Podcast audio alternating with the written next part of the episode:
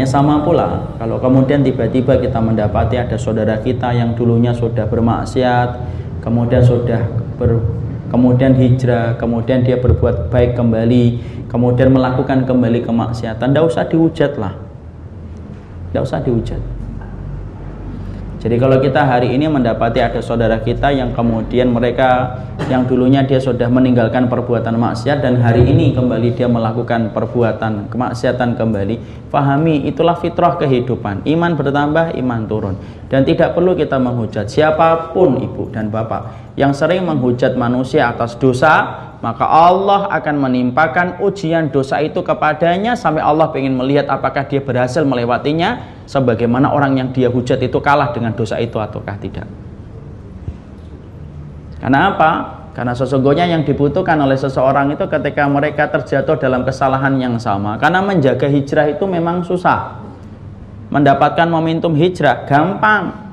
Mendapatkan momentum hidayah ringan tapi menjaga hidayah itu yang sulit dan menjaga hijrah itu yang berat.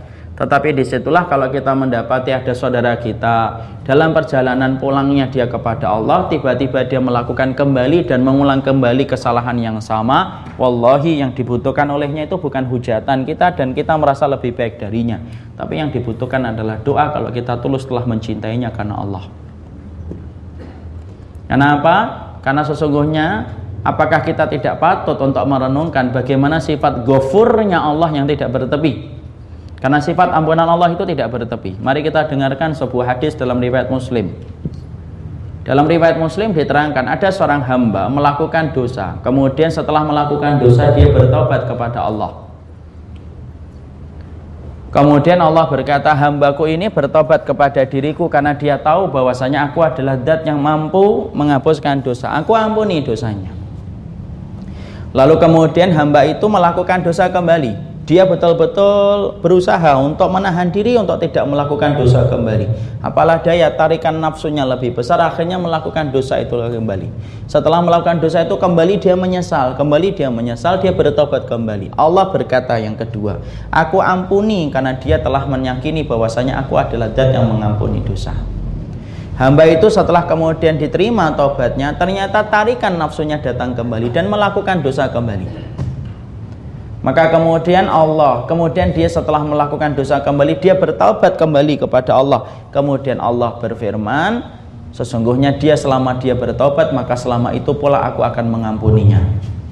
Imam Nawawi berkata ketika beliau menjelaskan tentang hadis ini, kalaupun ada seorang hamba yang dia melakukan 100 kesalahan, lalu datang dengan taubat 101 maka Allah akan terima yang ke 101 dan Allah akan lupakan 100 dosa yang diulang secara berulang-ulang. Selama dia tidak mempermainkan taubat dan betul-betul jatuhnya itu karena tekanan yang luar biasa.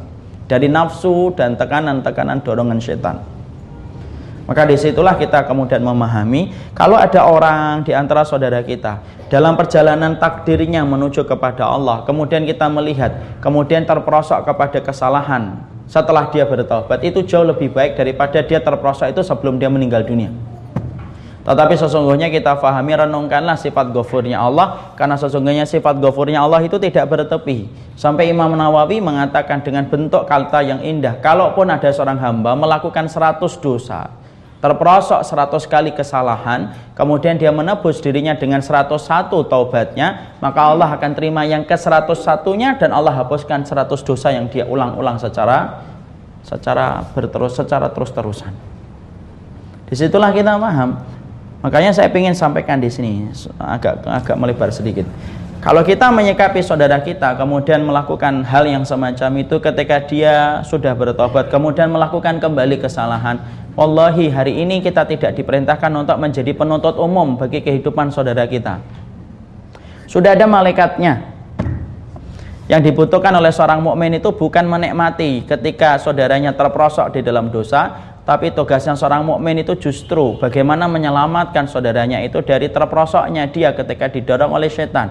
Dengan apa? Dengan doa dan harapan yang kita titipkan kepada Allah supaya Allah mengangkatnya kembali dari dosa yang telah memenjarakan kembali setelah dia bertobat kepada Allah. Ada orang yang bertobat, Ada orang yang tobat sifatnya tobat itu sebagaimana sifatnya Umar bin Khattab sekali tobat menjaga tobatnya sampai meninggal dunia. Ada orang yang tobatnya itu semacam itu. Tapi apakah semua orang yang bertobat semacam itu? Tidak. Ada pula orang yang bertobat kayak Abu Mihjan As-Saqafi. Siapa itu Abu Mihjan As-Saqafi?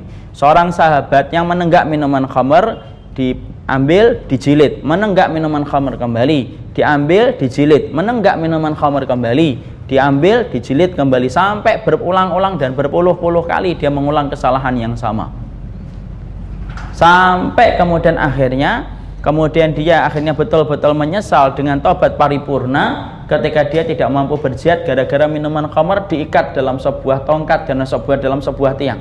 Di situlah menetes air matanya dan berkata, gara-gara minuman laknat aku tidak mampu berjihad pada jalan Allah. Maka itulah yang menjadi tobat paripurna yang akhirnya menjadikan Abu Mizan As-Saqafi tidak lagi menenggak minuman khamar. Tapi seorang tobatnya Abu Mizan itu setelah berkali-kali jatuh dalam kesalahan yang sama. Minum khamar, tobat. Minum khamar lagi, tobat lagi, dijilid. Minum khamar lagi, tobat lagi, dijilid lagi. Minum khamar lagi, tobat lagi, dijilid lagi. Dan itu kemudian akhirnya bertobat sebelum akhirnya dengan tobat yang paripurna, tobat yang paling sempurna sebelum meninggal dunia. Kita tidak pernah tahu tentang tobatnya seseorang. Ada orang yang tobatnya kayak Umar bin Khattab, tapi tidak sedikit ada saudara kita yang tobatnya sebagaimana tobatnya Abu Mizan As-Saqafi. Bukan berarti kemudian kita memaklumi kalau ada orang yang mempermainkan tobat. Tidak. Kita tidak akan pernah memaklumi orang-orang yang mempermainkan tobat. Tapi di situ kita faham, kalaupun ada saudara kita yang terprosok dosa kembali setelah dia merasakan manisnya hidayah, tolong tidak usah diperlebar dengan hujatan karena yang dibutuhkan oleh saudara kita adalah doa dan harapan yang kita titipkan kepada Allah karena Allah yang membolak-balikan hati seorang hamba. Jangan membantu setan untuk memperosokkan saudara kita kepada dosa yang lebih dalam daripada sebelumnya. Masalah hidayah itu miliknya Allah, bukan miliknya kita. Ya. Jadi kalau sudah bicara tentang hidayah itu bukan miliknya kita. Ngapain kita menghujat sesuatu yang kita nggak miliki? Tidak bisa. Pernahkah Rasulullah itu menghujat Ali bin Abi Thalib walaupun menghujat Abu Thalib walaupun Abu Thalib berkali-kali kemudian diajak oleh Rasulullah untuk masuk Islam tetapi tidak tergerak untuk masuk Islam? Tapi apakah kemudian Rasulullah menghujat Abu Talib di akhir kehidupannya sampai Abu Talib itu tetap memilih kesyirikan daripada keimanan yang ditawarkan oleh Nabi? Tidak.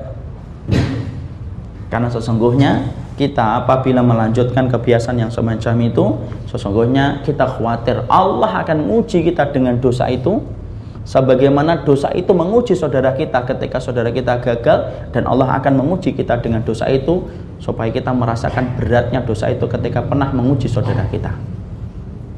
Makanya kata Rasulullah jangan celah orang dari dosanya.